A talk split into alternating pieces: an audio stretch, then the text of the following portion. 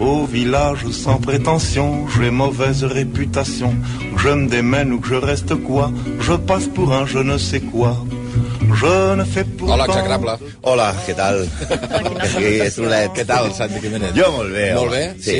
I, però no hi ha el Malcolm aquí. No, no, jo crec que l'han fet fora de casa, definitivament, i no ens ho, diu, no ens ho vol dir. Espera't, tirem aquesta...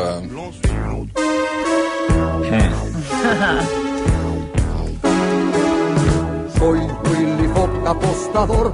Hola, Malcolm Otero. Què tal? Bon dia. Què? On ets ara?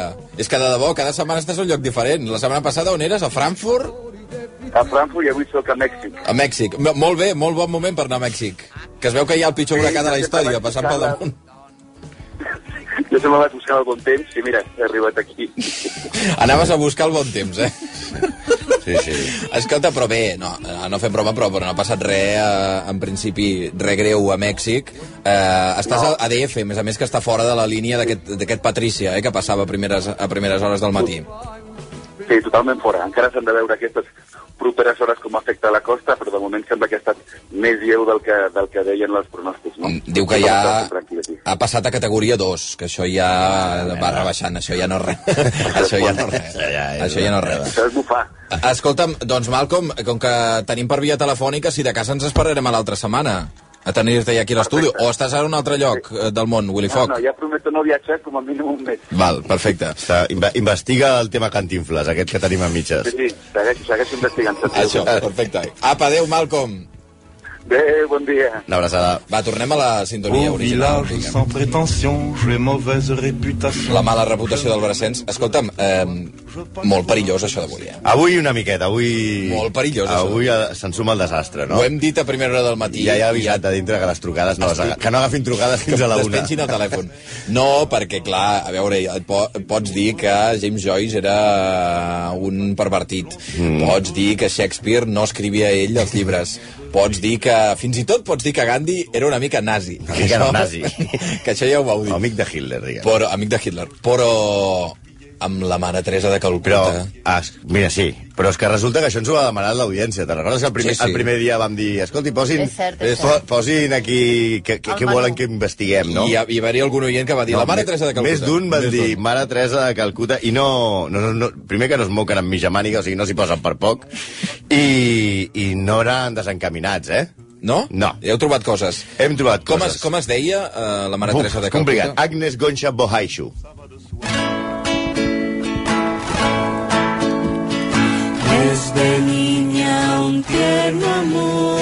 Bonic, eh? por Jesús sacramentado incendió tu corazón. Com? A mi em recorda molt a Laura. Sí, sí una que és una mica amb Laura. És una cançó dedicada a la mare Teresa sí, de Calcuta. canción a la Madre Teresa de Calcuta, Mm. dame almas, semiluz. Però escolta, un respecte que estem parlant Dona- d'una santa, eh? Sí, bueno, una santa, però per, només per aquesta cançó ja la podíem Això fotre a la trena, eh? Vull dir, bueno, no, la, no la va fer ella, però home, va. si ha inspirat una cosa tan horrible com això, eh, és així. Bueno, anem amb compte perquè aquí ara ens posarem en un tema que és és el jutjar una persona i aquí hi ha una qüestió de fe. Ja per molta gent, la Mare Teresa de Calcuta és una dona execrable, que és el que més o menys veurem, i per altra és una persona admirable perquè això ja és una qüestió de, de, de creença, no? I aquest és un problema principal, no? Perquè a vegades volem idolatrar a persones que ens fan el món més fàcil, que és que tu, sense investigar sobre elles, acabes a, vols creure que el món és bonic i ens, et creus amb, amb el que hi ha a l'aparador, no? I si aquesta secció té un sentit és que el de qüestionar-ho tot, no? Això sí. Avui ens qüestionarem una santa, mira. Una dona, segons uns, milionària, egoista, classista, Com? segons Com? uns, Com? i segons uns altres una dona admirable, no? Aquí veurem les dues parts que hi ha, no? Perquè estem parlant d'una metàfora del bé, perquè tu moltes vegades dius, ostres, això és que és la mare Teresa de Calcuta. Sí, o és, forma és- part del llenguatge. Forma part del, de, del llenguatge. Les no? hermanides de la caritat som. Sí, les hermanides de la caritat, eh, les... Jo quan jugava a bàsquet eh, sempre ens ho deien. A la del teu entrenador, possiblement, no? ens deien, semblem les germanetes de la caritat. pues això, la mare Teresa de Calcuta, no? Exacte. Però bueno, va, anem, anem pel dret i anem a dir, deixem la caritat i anem pel dret, tu. Amb una frase podríem definir els, que- el sector crític amb la mare Teresa, el Sí. definiria com una ultracatòlica retrògrada que creu necessari el patiment dels pobres, que només accepta el divorci a les cases reials i creu que l'avortament era el principal problema de la humanitat, que li agradaven molt els diners dels rics, als quals sempre va fer costat, fins i tot a poderosos i dictadors sanguinaris. Uh, el, el currículum uh, d'entrada és Breu resum. Com a breu resum és bastant Sí. extraordinari.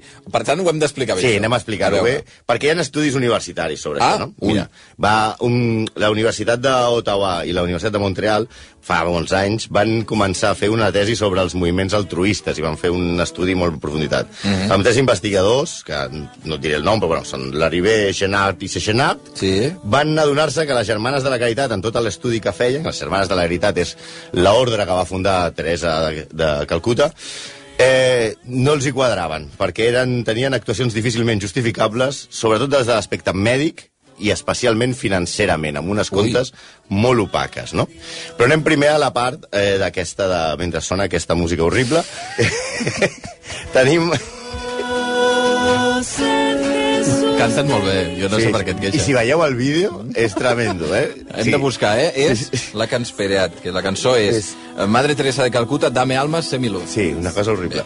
Bueno, eh, la Mare Teresa de Calcuta, ja veureu això a la luz, anava més per Dame Almas, eh? Perquè Ah, sí? els centres aquests d'acollida de la Mare Teresa de Calcuta, literalment, en l'estudi aquest de, les, de la Universitat d'Ottawa i de Montreal, les definien com a cases de la mort. Ui. No eren missions de curar, no és... Eh, eren, ells veuen que es, es pensen que es trobaran en uns hospitals per guarir els malalts, els pobres, però es troben llocs on simplement agafen els pobres del carrer, els fiquen allà per ajudar-los a morir i fins i tot, en molts casos, agraven la seva sintomatologia, no? Eh, tot això té una explicació que veurem ara, no? Perquè la Mare Teresa de Calcuta considerava, i a la seva ordre, que el patiment dels pobres, el patiment, venia a dignificar la passió de Crist, no? I, eh, i això feia millor al món. Hosti. I estem parlant d'una gent que té molts diners i que podria fer... Dius, és que no tenen res, però el pressupost de les Germanes de la Caritat, de la Misericòrdia, de Mare Teresa de Calcuta, triplica el pressupost anual de la UNICEF. Què dius? Sí, o sigui que... Paraules de la Mare Teresa de Calcuta... Ah, això són literals? Això és literal, cometes, és bonic veure els pobres acceptar la seva sort, pateixen com Crist a la seva passió, el món guanya molt amb el seu sofriment. Hosti. Ah. A veure, és que quan, com deien que el seu pati, eh, la seva idea de que el patiment dels pobres feia millor el món, no? I ella mai va intentar guarir els malalts ni les seves monges, no? Hi han molts testimonis de gent de molt bona fe, de, de, perquè això realment eh, la gent que ha anat a la Índia a treballar amb ella ho fa de totalment bona fe, alt- altruísticament, i, i ha, ha servit la seva figura d'inspiració a molta gent, que arriben i es veuen totalment sorpresos i decebuts perquè veuen eh, que es podria fer més, no? que veuen com gent eh, que està malalta però que no té una malaltia irreversible acaba eh, morint per, simplement per una mala praxis mèdica, no?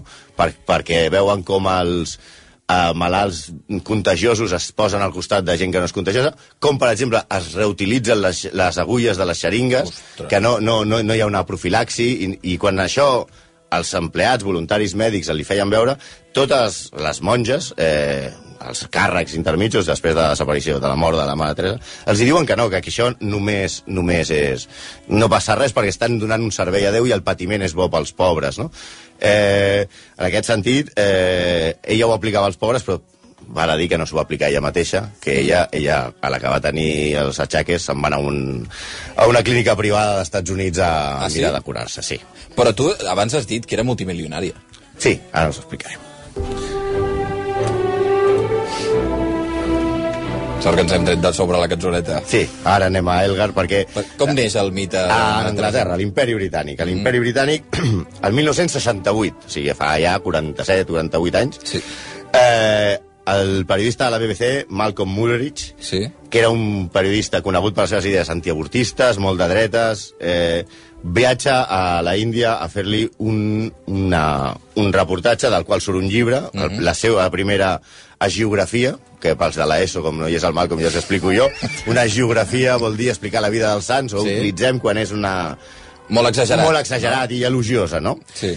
Eh, aquest home queda absolutament a- al·lucinat amb la Mare Teresa fins al punt de que creu veure miracles a tot arreu, no? Explica eh, amb un reportatge que es fa en contra de la Mare Teresa, un altre periodista, que és el, diguem-ne, Christopher Hitchens, que seria l'home que l'ha perseguit i que ha intentat desmuntar el mite des de sempre. Ell té un reportatge que es diu Hell's Angels, l'àngel de l'infern, així, la, així, així la tracta. Però aquest documental existeix, Aquest eh? documental existeix, està vetat en molts països, eh, però es pot veure a YouTube. En aquest, en aquest re- reportatge expliquen com es va fer el primer reportatge, aquest que, el primer, el del 68, en el qual un, un operador de càmera explica que van entrar en un, en un dels centres d'acollida, hi havia molt poca llum, i ells portaven una pel·lícula de Kodak nova, que no s'havia provat mai, i el càmera li va dir en el, en el periodista, en el Malcolm Muderich, li va dir, escolta, aquí no podrem filmar perquè està tot fos, no hi ha res, i diu, mira, provaré aquesta nova pel·lícula i la ficaré aquí, però jo crec que d'aquí no sortirà res. Van arribar a Londres, van positivar la, les imatges i es veia perfectament, no? Aleshores explica el, el cameraman que diu, hòstia, jo vaig pensar, dic, Déu beneeixi a Kodak. I en canvi l'altre, que era un fanàtic religiós, va dir, això és un miracle. Això és un miracle. Això, eh, ella ha omplert de llum l'habitació O sigui, el, el, la que el ella. fet de que es gravés i que, en fi, que, que quedessin, eh, que les imatges quedessin bé, era un miracle, eh? Era un miracle, no era la Kodak. decidir No era la. Kodak. Mira, la la, Kodak, de fet, ja. la, la, la, la ordre de la Teresa Calcuta segueix i la Kodak ha tancat. Però, igual és pels selfies, no? Però bueno, de fet, eh, la Teresa Calcuta també, des d'aquell moment, es converteix en un símbol per l'ala més dretana, per l'ala més conservadora de l'Església. Ah, sí? Sí, i, per exemple, eh, acudeix eh, com a estrella convidada a, a on la necessiten aquests sectors més conservadors de l'Església. Per exemple, quan a Irlanda es va començar a fer un referèndum, el primer referèndum, ara al final s'ha aprovat, pel divorci, que això és un dalta baix absolut a Irlanda, ella va participar activament en la campanya, va deixar la Índia, se'n va anar a Irlanda i va començar a parlar a favor, de, en contra del, Del divorci. Del divorci. Ella no considera que el, que el divorci en cap cas, excepte, i per això sentim aquesta música, en el cas de la seva amiga Diana Spencer. Ah, amb, amb la Lady Di, sí. Lady Di. Amb Lady Di Lady Di era com... Divorciar. Recordareu ja les fotos de Lady, Lady Di, ja té moltes fotos amb la Teresa de Calcuta, Sí. anava a la Índia amb ella i tal, i aquesta dona que havia sigut tan contrària al divorci, quan parlem de les amigues, i si són riques, el va justificar. Ah. Va dir, si no és feliç, ella sí que es pot, perquè ella és una noble. El senyor, la senyora que està a Irlanda aguantant 10 fills, un marit alcohòlic que li pega pallisses, aquesta no. No cal. Aquesta té el patiment dels pobres que fa gran a l'església. Però Però, Lady Di, Lady Di sí. sí que pot. Una altra qüestió molt difícil d'aquells anys també és quan ella, eh, quan va haver-hi el famós desastre a Bhopal, el tràgic, la, Sí. no sé si recordeu, una planta pesticida, eh, 25.000... d'Union Carbide, 25.000 morts, Sí, i sí. com a mínim, i no se sap encara, les, encara pateixen les conseqüències, Mm. amb, a nivell de càncer, nens que neixen amb deformacions i tot. Eh, ella, en lloc de posar-se al, lloc, al costat del poble, va fer quatre Pare Nostres, tres Ave Maries, i va demanar al poble que cristianament perdonés a Union Carbide. Eh, que els, perdon... es veu que el govern indi els hi va fer bastant de cas. Ah, sí? Sí, perquè... Els va perdonar. Home, els va posar els, tots els directius d'Union Carbide dos anys de presó i 8.000 euros de multa per 25.000 morts. No està mal. Sí, li, va, li van fer bastant, bastant de cas. Fins i tot, el, i en aquest cas de la, de la seva lluita de la dreta de l'Església és ella tenia una fixació contra l'avortament. L'avortament era el, el, el pitjor que li podia passar a la humanitat, segons ella.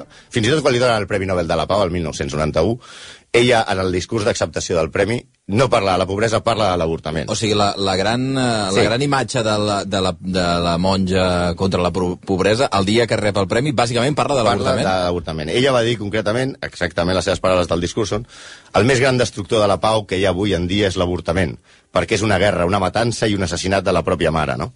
Eh, eh, ella era, diguem-ne, eh, la monja preferida i el sant favorit de Joan Pau II, que també Mhm. era un, un home d'una ala dretana de l'Església. Sí. No seria com el papa Home, la, d'ara. va, la, va fer, la va fer santa. Sí, és que, bueno, és que això, eh, Joan Pau II era el McDonald's dels Sants, eh? Vull dir, era un tio, era, era, era, era, era, era un pontífex... Doble McWhopper, Do, eh, ell, no sé què. pensant, ell, home, només en el seu pontificat va fer Ah, no, el, 408... El Whopper és del Big, de l'altre, no? No, De sí, el de l'altre, el Burger King. Del Burger King. Ell en el seu pontificat va, va beatificar 482 persones, Oh. més que els seus antecessors en 400 anys. Sí, Vayan pasando, no? Sí, i no només tenia amics amb, amb, a l'església de dreta, sinó també era la monja de capçalera d'aquests simpàtics senyors dits el clan Duvalier, el, Els Duvalier d'Haití. d'Haití, el país més pobre d'Amèrica, la gent que massacrava els pobres, ella era convidada habitual a Haití i els hi feia unes, unes campanyes de rentat d'imatge tremendes.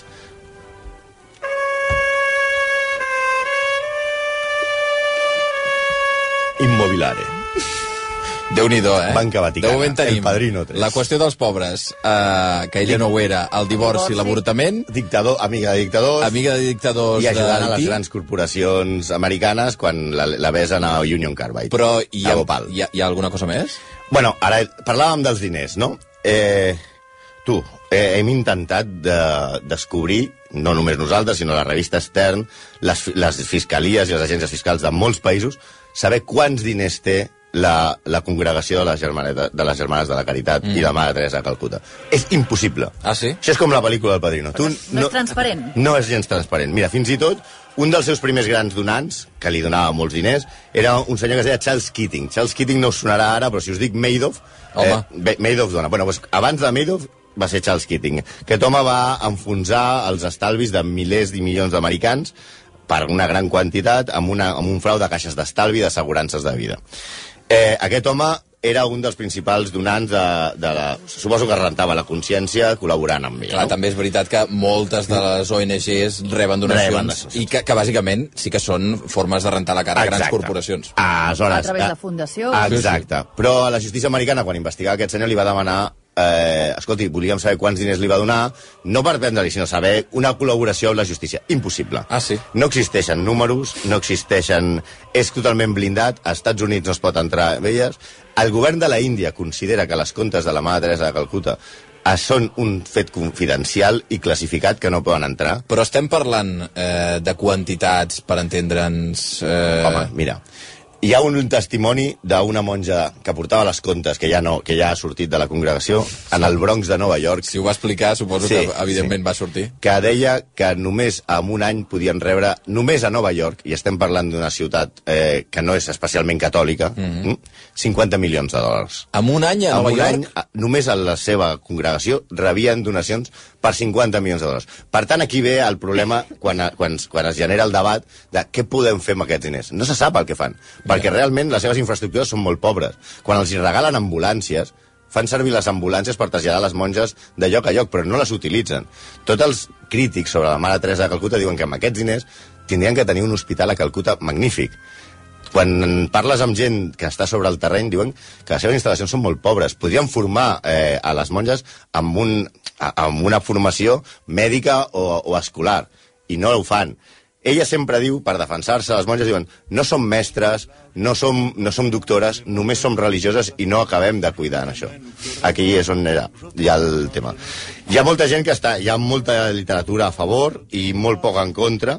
Hi ha No, dos, però el, el, de, el de contra és... Ah, per si, si ens volem apuntar voleu llibres, eh? A veure. eh, un llibre de títol qüestionable que es diu La posició del missioner, Home, hòstia, que és, de, ja és... del Christopher Hitchens, i un altre més, més directe es diu Mare Teresa, veredicte final, d'Arup Chatterjee, que fan mereixedora que pugui entrar en el món dels il·lustres execrables. Déu-n'hi-do déu el viatge per, uh, per la història de la Mare Teresa de Calcuta. Òbviament, uh, cadascú que treugui les seves conclusions, que busqui Sí. informació, que llegeixi el que... I, I és una qüestió de fe. I com que hi ha una qüestió de fe al final, uh, cadascú pot treure les, els plantejaments que vulgui. Santi, eh, la setmana que ve en principi ja vindrà. Ja vida, al jo Malcolm. espero que vingui amb tota la merda que pugui sobre Cantinfles. Per... Què dius, ara? Perquè tregui la Ui, informació sobre Cantinfles teníem, ja tenim certs indicis de... Però la setmana que ve no és Cantinfles. No, no, La serà setmana que ve... Winston Churchill. Uh! Les 10 i 4 minuts, gràcies. Eh, A vosaltres.